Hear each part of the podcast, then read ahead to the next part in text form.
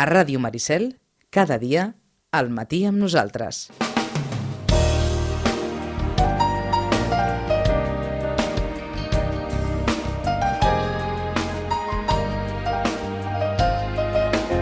Un Sant Jordi en dissabte, per tant, ja ja té un punt diferencial respecte als Sant Jordis de, dels anys anteriors. Marta, bon dia, bona hora. Hola, bon dia. Aquests Sant Jordis en dissabte sempre tenen un punt diferent, eh?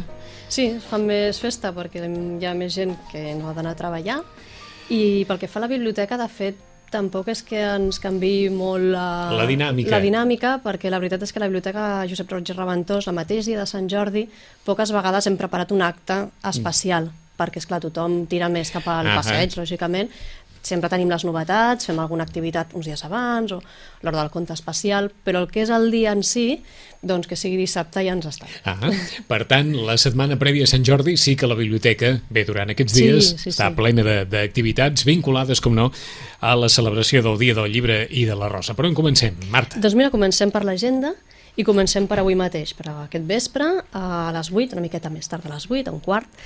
Tenim una xerrada, la xerrada literària de cada mes, que ens fa l'Helena Cejas, eh, i avui ens parlarà de Cervantes. Però, eh, sí, ahir, mira, l'altre dia em comentava que volia donar-li un toc diferent, un toc d'humor, per explicar a Miguel de Cervantes que podria estar hores i hores i hores parlant. I deia, clar, llavors mm, com ho enfoco o no, quina visió li dono? Llavors m'ha dit, li donarem un toc d'humor.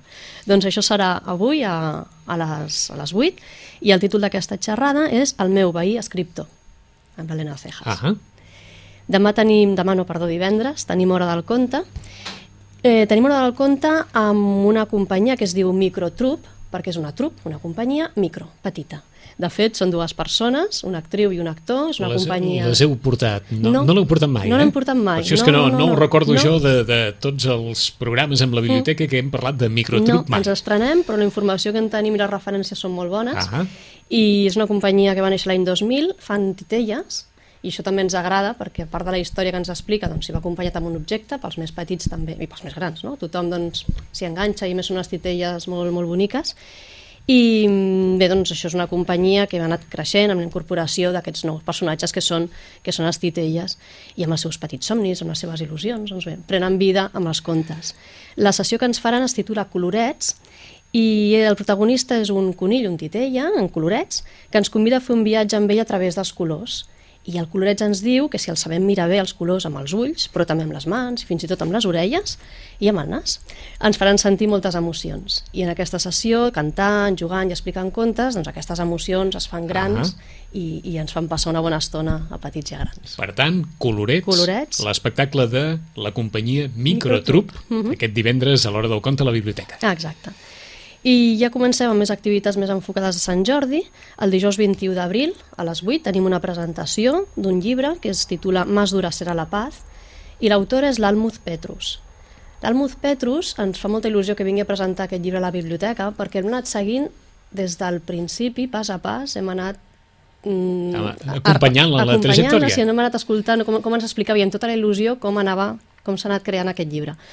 Eh, ella és una de les, de les participants habituals en els clubs de lectura, per tant és una usuària habitual de biblioteca, i es va apuntar al club d'escriptura de l'Ateneu Barcelonès. D'acord. Per tant, un dia va venir i va dir, mira, vull aprendre, vull que m'ensenyin a escriure millor, no? a explicar una història. El següent pes va dir, ja estic fent pràctiques d'escriure, després estic començant l'esquema d'una novel·la, i així, pas a pas, hem anat seguint O sigui que heu seguit la vida d'una escriptora vocacional. Exacte, sí, sí, sí. Fins que va dir que presentava aquesta obra un premi, el Premi Romà Planas i Miró, de Memorials Populars, que quedava finalista i finalment que guanyava. I com va quedar finalista ens va dir si guanyo vull presentar el llibre a la biblioteca. O sigui que heu estat testimonis d'una trajectòria Exacte. personal Sí. d'algú que va començar sent assídua intervinent en els clubs de lectura, Sí. que va participar de el que és un també dels referents en matèria de, de d'aprendre a, a escriure novel·les, que és a l'Ateneu Bar- Barcelonès, i a partir d'aquí aquesta Doncs, aventura ha anat sí, avançant sí. fins que ha aconseguit el premi, ens deies? El Premi Romà Planas i Miró de Memorials Popu- Populars, Ah. amb aquesta novel·la, Más dura serà la paz. D'acord, i aquesta novel·la de què va? Eh, Si és que ell us ha dit alguna cosa. Doncs no tinc aquí la informació, però sí que sé que és una, una vivència bastant propera a ella. D'acord. Eh, no és una biografia, però sí que són, són vivències Que molt, tenim molt una certa sensació d'una història més aviat Sí. eh, dura, eh? Mhm, sí. Dura o, o vaja, Sí, ella és alemana i doncs, ens explica d'acord, uh, part de, de la seva vida. d'acord. I, Mhm. Presentació el dia 21. El dia 21 a les 8. I bé, doncs convidem a tothom que la vulgui acompanyar també en aquesta Ahà. aventura, que ja estarà molt contenta de, de sentir-se, doncs això, no, acompanyada a casa seva. a Més Tornem a repetir el nom. Ell, Ell es, diu Almuz Petrus. Almuz Petrus. Mhm. El divendres 22 tenim aquesta hora del conte especial de Sant Jordi a càrrec d'en Bufamots. En Bufamots és el nom artístic de Roger Coromines, que sí que l'hem tingut alguna altra vegada a la biblioteca. Abans es feia dir eh, lladre de guants blancs i ara és en Bufamots. I ens explicarà el cavaller sapastre i el drac enamoradís. Per tant, tindrem aquí no un Sant Jordi, sinó un altre Mm. Tenim tipus de cavaller. Serà d'una versió irònica. Eh? irònica i divertida, sí, sí. I d'aquest drac, que, que al final doncs segur que es farà bon amic. D'algú s'enamorarà, això segur. Ah. No sabem si serà de la princesa o d'aquest cavaller sapastre, però en tot cas hi haurà amor i hi haurà bon humor. El cavaller sapastre i I el drac enamoradís. I el drac enamoradís. A càrrec de bufamots. Vigília de Sant Jordi, l'hora del conte de la Vigília de Sant Jordi.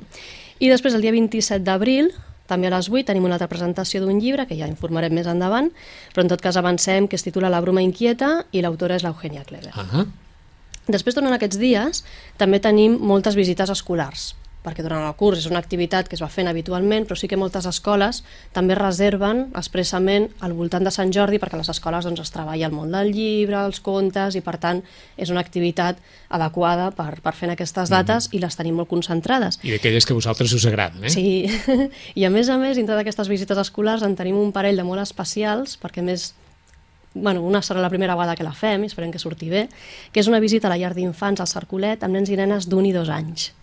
Tan petits no ho hem fet mai, però...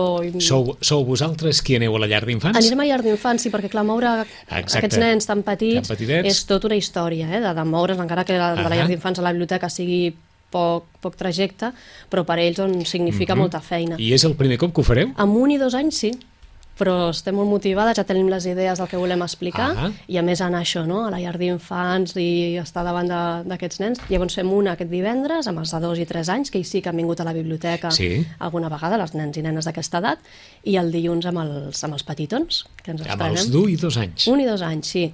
De totes maneres, les educadores ens han dit que estan acostumats a escoltar contes, que ho fan molt sovint, que els agrada moltíssim, que evidentment han de ser contes curtets, visuals, en fi, tot això, però que els agrada molt, que ho disfruten molt, evidentment, això ja n'estava jo convençuda abans, però que tenen, en tot cas, tenen l'hàbit d'escoltar molts contes o sigui a, que a la llar tindran d'infants. molta disposició i Sí. per vosaltres una experiència Mhm, molt maquíssima, maca. segur que segur. I tant, i tant, i tant. Això serà demà. Això serà divendres. Divendres. Amb els de dos i tres anys i dilluns següent amb els d'un i dos. O sigui, aquest divendres amb dos i tres i dilluns que ve amb els d'un i dos anys. Exacte. El Cercolet. El Cercolet, sí.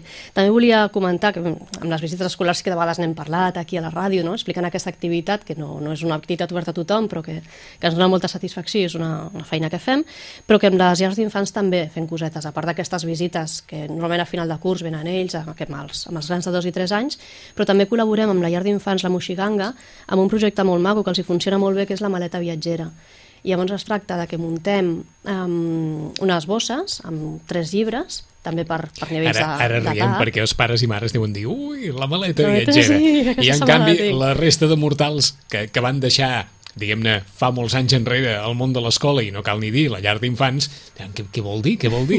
Això de la maleta viatgera, què Sí, és? sí, doncs és Marta? una bossa amb tres llibres a dins seleccionats per la biblioteca, depenent de, de l'edat dels nens, això, no? de 0 a 1 any, de 0 a 1, de 1 a 2 i de 2 a 3, i aquestes bosses van passant durant tot el curs per les famílies, i la idea és que durant una setmana doncs els, la família no? comparteixi aquestes estones de lectura amb els nens. Hi ha moltes famílies que ja porten nens a la biblioteca, o que és una cosa que ja és habitual, entre les seves joguines hi haurà llibres, o...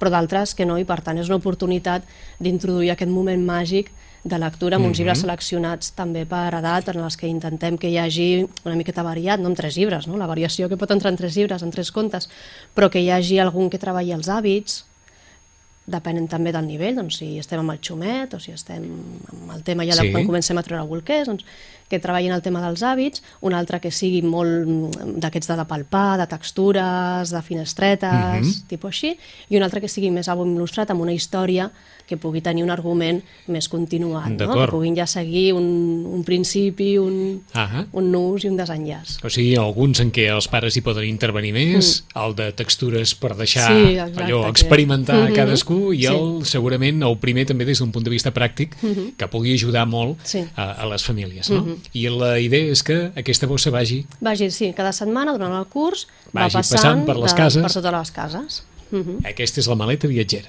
Sí, i ho fem en col·laboració des de fa ja alguns cursos que ens ho demanen des de la llar d'infants La Moixiganga i és una cosa que també... Una idea molt bonica també, eh? Sí, sí, sí, això funciona molt bé i per nosaltres també és una manera de que els nens de ben petits tinguin comptes ben, ben a l'abast. Està clar que sí. Després comença la Marató de Lectura. Com cada any anem per la 18. 18a Marató de Lectura amb les inscripcions obertes fins al 30 d'abril. Recordem de què va la, la Marató de Lectura, pels que, pels que no ho sàpiguen. Doncs la Marató de Lectura és un repte. És un repte que, que proposem a nens i nenes de primària, des de primer fins a sisè, i si hi ha algú d'institut d'ESO que també es vulgui animar, tampoc li direm que no. I el repte és, sereu capaços de llegir més de 8 llibres durant tot el mes de maig? Dit així, pot semblar molt fàcil o molt difícil. Això ja depèn del punt de partida de cadascú. Hi ha nens que llegeixen moltíssim i per tant diuen 8 llibres i això, que està... Això no... Ah, xupau, que diuen ells. I d'altres que no, que realment és un repte i que s'ho prenen molt en, molt en sèrio. Repte no competitiu, eh? No, no, no, que quedi clar. moment. És un repte, en tot cas, amb un mateix, pels que han participat en un altre any, doncs superar la marca que van, que van tenir, o en tot cas per qui comença de zero, doncs això, no? de dir, doncs mira, potser sí que no és tan difícil llegir vuit llibres ben triats, no cal que siguin molt gruixuts, uh -huh. ni bé, cadascú doncs, al seu ritme i al seu gust.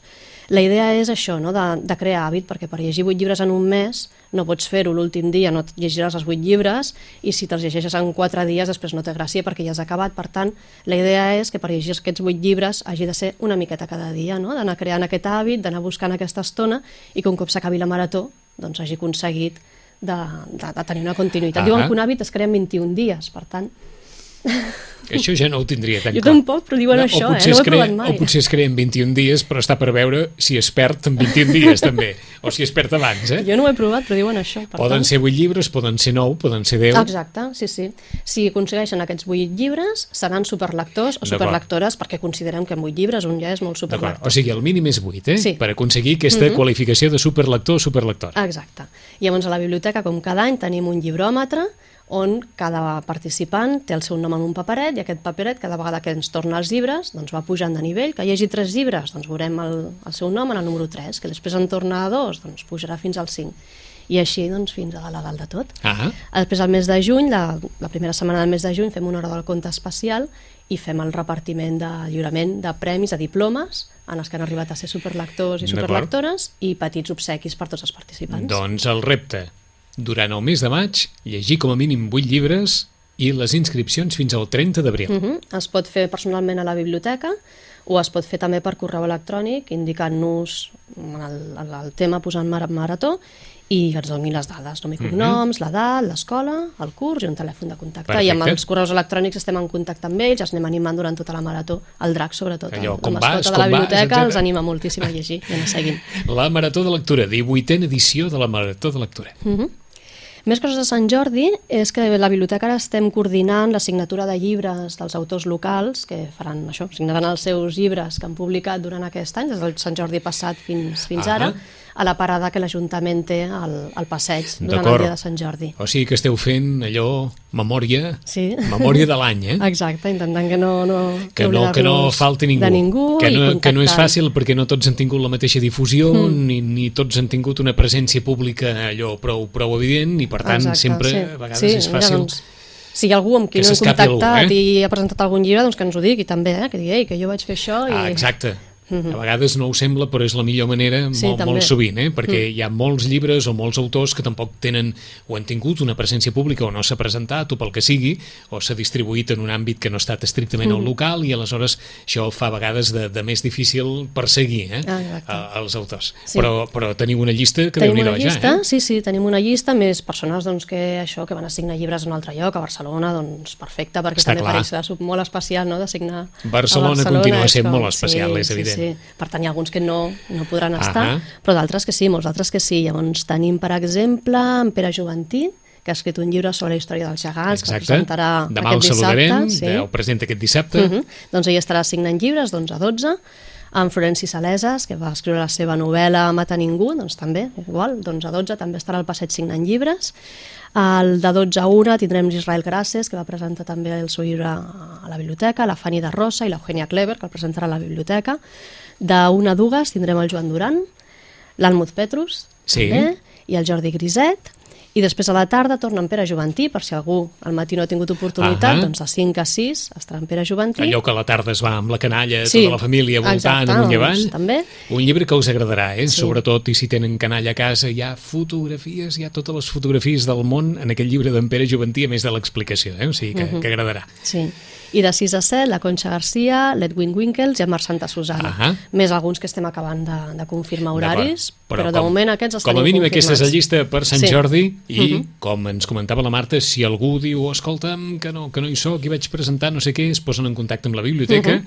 i aquí dins s'encaixa tot el que s'hagi d'encaixar Exacte. a la parada de l'Ajuntament, a la parada que tindrà l'Ajuntament, com sempre, perquè signin els autors Mhm. locals. Sí, és una manera també de donar-se a conèixer i de tenir Ahà. contacte doncs, amb els lectors i Està més clar si, que sí. si són propers, no? doncs també fa molta il·lusió. Per descomptat. Mhm. I després novetats. De novetats hem fet, a part d'aquests lots que venen mensualment de novel·les i per tant cada mes hi ha, hi ha novel·la nova, doncs també la Biblioteca Roig i Reventós han fet una llista d'aquestes novetats de Sant Jordi que tothom ja està esperant i les estan comprant o, o seran comprades en aquests últims dies. Per tant, la llista de novetats serà molt i molt llarga Ahà. i en podem avançar alguna en tot Vinga. cas, no, no els he pogut portar tots, però direm algun títol així rapidet. Per exemple, de Julia Navarro, Història d'un canalla de l'Empar Moliner, tot això ho faig perquè tinc molta por, que va guanyar el Premi Mercè Rodoreda 2015 amb l'estil Empar Moliner total. Ahà. Ara que s'ha posat Sí. allò a, a primera fila mm? Ella en les així. darreres hores, ella és així, Sí, sí, part doncs. Moliner, protagonista aquest Sant Jordi també. També. De la Mònica Esgustova, una de les autores locals que Ahà. estarà signant a Barcelona, Les roses de Stalin, Stalin. una novel·la sobre la filla de Stalin. L'últim de la Mira- Murakami, L'elefante desaparece.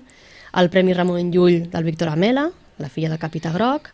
Que el presenta, em sembla, de Vilanova. Ah, pot ser. El presenta Mhm. Vilanova, no sé si és aquest dijous, un, un dia d'aquests. Víctor Amela serà a Vilanova per a aquells que diguin escolta'm, em crida l'atenció, m'agradaria. A Vilanova em sembla que la Biblioteca Víctor Balaguer el, el presenta o a la llibreria Llorenç organitza aquest acte. Per tant, qui tingui interès... Si no, en aquests dies és anar mirant llistes i anar buscant l'escriptor preferit a veure on, ta, on està. Eh? Si és perquè- que són d'allò, eh, de que me'l signi, me'l signi, Sí. si no, mm, cap problema. Després un que sí que he portat, que és l'últim del Jonas Jonasson, aquest escriptor que es va fer tan conegut amb l'avi que s'escapava per una finestra i un altre, i ara ha tret l'assassí que va assumir amb un lloc al cel. I sí que l'he portat perquè penso que aquest serà d'aquests que estaran en els rànquings de més venuts, segur, perquè són llibres que tenen aquest, aquest toc d'humor, un toc molt destacat d'humor, però un humor nòrdic, i a més a més que les trames doncs, són d'aquestes que enganxen. Ah, Per tant, són fàcils de regalar a algú que no saps ben bé quin gust té, doncs jo crec que amb un llibre tipus així pots triomfar. pot, mm, sí, de nou- Sí, perquè de fet són llibres que en general agraden a tothom. D'acord. Aquests llibres que atrapen des del primer moment, eh? Mm, Sí. Comença a darrere, no? que ja tenim aquests resums, i diu la pau del Senyor sigui amb tots vosaltres. Em dic Anders, l'assassí, tot i que no mato ningú ni cometo cap altre delicte. Prefereixo donar diners en nom de Jesús per les bones causes. Us vull donar mig milió de corones. Realment us en voldria donar més, però mig milió tampoc són un cagarro. Perdoneu la meva manera de parlar, però no se t'enganxa quan passes temps a la presó. Aquest és el, el Aquest és el, principi. el resum que apareix a la contraportada del llibre. Sí. Llibre que es titula, novel·la que es titula... L'assassí que va somiar amb un lloc al cel. D'acord. Quan vegin la portada entendran això del sentit de l'humor que ens deia la Marta, eh? Sí. I n'he portat una altra, que no és novel·la, però que també crec que serà un llibre molt, molt venut. Eh, és un llibre que està molt de moda, ha sortit també en notícies, als diaris, de la Marie Kondo. És una japonesa que té tot un mètode per ordenar i endreçar les coses de casa.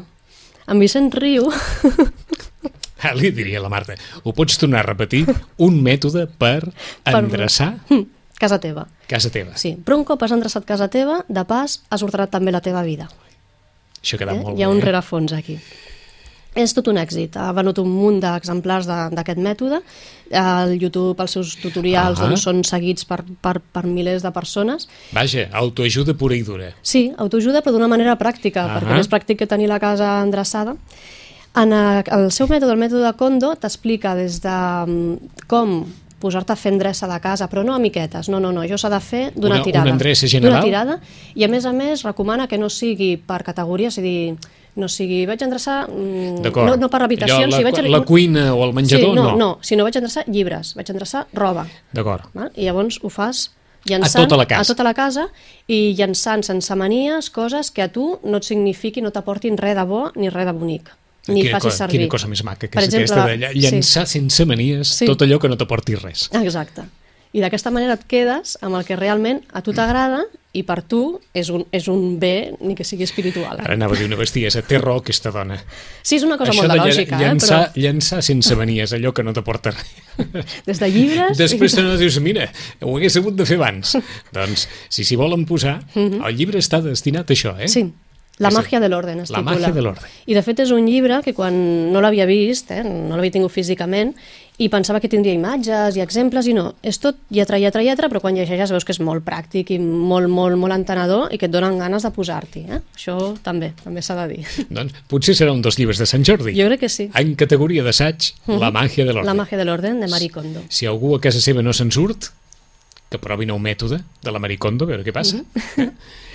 I un parell d'infantils. Vinga. Un, eh, un l'he trobat molt especial, es titula A em corre, és de Claude Dubois, i és un llibre que trac, el protagonista és un nen eh, que es troba enmig de la guerra, es troba perdut de la seva família i aquest nen va parar a un camp de refugiats. Per tant, ara que estem, els nens no, de, de casa, els nostres fills, Sí. sí. estan veient cada dia, cada dia les notícies, o és un tema del que es parla, o s'hauria de parlar i explicar-los al seu nivell, trobo que és un llibre que per fer un acompanyament sobre aquests temes és molt, molt adequat. Ah, Les il·lustracions tenen uns colors molt senzills, Fills. són tristes fins i tot, però clar, és que la guerra és això. Són, són eixutes. Sí. Eh? Llavors el llibre comença sense cap tipus de text, veiem com esclata una bomba, veiem com Ahà. el nen corre, dir, veiem ve- com... Veiem situacions de nens en moments Sí. eh, difícils, en però moments suau, eh, traumàtics. temps, tampoc no... I després sí que va acompanyat de, de text on es explica la història doncs, de com aquest nen es troba sol, com es troba de camí fugint, no? Doncs es troba amb una senyora que l'acompanya, com van a parar al camp de refugiats, Ahà. com es troben amb els voluntaris, pot ser de Metges Sense Fronteres o de qualsevol altra ONG, com ell es troba molt, molt trist i sol, es veu també la imatge no, del vaixell que estem És un, veient. és un llibre sensacional, eh? Sí, sí. Però aquest és per, per llegir amb els pares, eh? Sí, no, no, ni tant. Sí, sí, però Perquè això, cada, no? Per... cada il·lustració Mm. té, Sí. té en, fi, el que, el que deia la Marta, no hi ha segurament aquella duresa tan explícita de les imatges televisives, però hi ha una duresa Mhm. Sí. molt... I com que hem vist les imatges, Exacte. doncs ens- també és molt fàcil de fer-nos la idea del que realment, Està amb, clar. no, amb aquest dibuix més suau, el que s'està vivint de, veritat. Mm. D'associar aquestes imatges a tot allò que, que ens expliquen o, o que hem vist, exacte. eh? I al final aquest llibre direm que acaba bé, que s'acaba acaba bé acaba retrobant la seva mare, que pot ser un final molt feliç per un Ahà. nen que es troba en aquestes circumstàncies. Acaba amb un no? fil d'esperança, eh? Sí, exacte. I mm, també volia destacar això, no?, de que mm, de que de vegades això, estem mirant les notícies i aquesta notícia dura uns minuts i el nen potser es queda dintre no? els dubtes, el voler tenir una estona més per parlar d'aquests temes que realment Mhm. com un atemptat, no? són temes d'aquests que els hi poden causar una, una Un por, una, una molt- inquietud i que potser no trobem el moment de parar explicar-los a la nostra manera Sí, per donar-los doncs, una miqueta tranquil·litat. I A el part, llibre no- doncs, pot ser una bona A part, eina. no és un llibre de poques pàgines, eh? És, és un llibre, diguem-ne, amb, amb força il·lustracions Mm, per de estar-s'hi petit, però una, una bona història. Aquim corre. aquí em corre. Eh? Aquim, òbviament, és el protagonista d'aquesta Mhm. de, d'aquesta història del nen que intenta trobar la seva mare enmig d'aquest drama dels, dels refugiats. Mhm. Llibre molt bonic. I l'altre es diu La calle Mayor, d'Alice Melvin, i és un llibre il·lustrat i a més a més d'aquests que tenen sorpresa en pàgines desplegables. La història és molt senzilla, és d'una nena que té una llista de, de coses per anar a comprar. Eh? I llavors a la primera pàgina doncs, ja se'ns presenta aquesta llista de trobar una rosa amarilla, una manguera de jardín, un racimo de uvas, unos patines, una cacatúa, un cazo de metal, una alfombra persa, una jarra de franjas rojas, un pastel de fresas i un corazón de azúcar. Ella anirà al carrer Major, on hi ha totes les botigues, Sí. i començant per la botiga del número 1 d'aquest carrer, que és una botiga de llaminadures, doncs nosaltres, en el compte, obrirem, entrarem en aquesta botiga i trobem, doncs això, no? l'interior d'aquesta No em botiga. diguis que cada botiga es desplega. Sí, cada botiga es desplega, trobarem la ferreteria, trobarem la botiga mm, de flors, trobarem la botiga d'animals i veurem l'interior d'aquesta botiga i per tant també podem jugar una miqueta doncs, a buscar coses, dona molt de joc aquest Mhm. Mal llibre. m'estàu dir-ho, quins llibres per nens que es molt fan. eh? macos, molt. Molt, molt. Fan unes edicions molt estem cuidades. veient, mm, vaja, coses d'aquelles que, que, que pels pares i per poder explicar les coses, Sí, sí. millor no pot ser. No, no, no, són fantàstics aquests llibres. veure una perquè- casa Mm. des de l'exterior, obrir la pàgina i veure l'interior... Sí, sí, sí, la botiga de música, amb els instruments, i a cada botiga doncs, Ahà. haurà d'anar buscant d'aquesta llista i Quin és si, el- sí, la cosa que pot comprar en aquesta botiga Ahà. i aviam si al final les troba totes o, o li falta alguna. Doncs aquest és el llibre, La calle Mayor. Mhm. mm? La història d'aquesta nena que ha d'anar a comprar al, al carrer Major. Són algunes de les propostes del fons de la biblioteca on es pot escollir molt i després d'aquest Sant Jordi encara més, perquè quan arribi un lot de novetats això serà, això serà de por. En parlarem passat Sant Jordi. Marta, gràcies. Gràcies. Fins d'aquí 15 dies.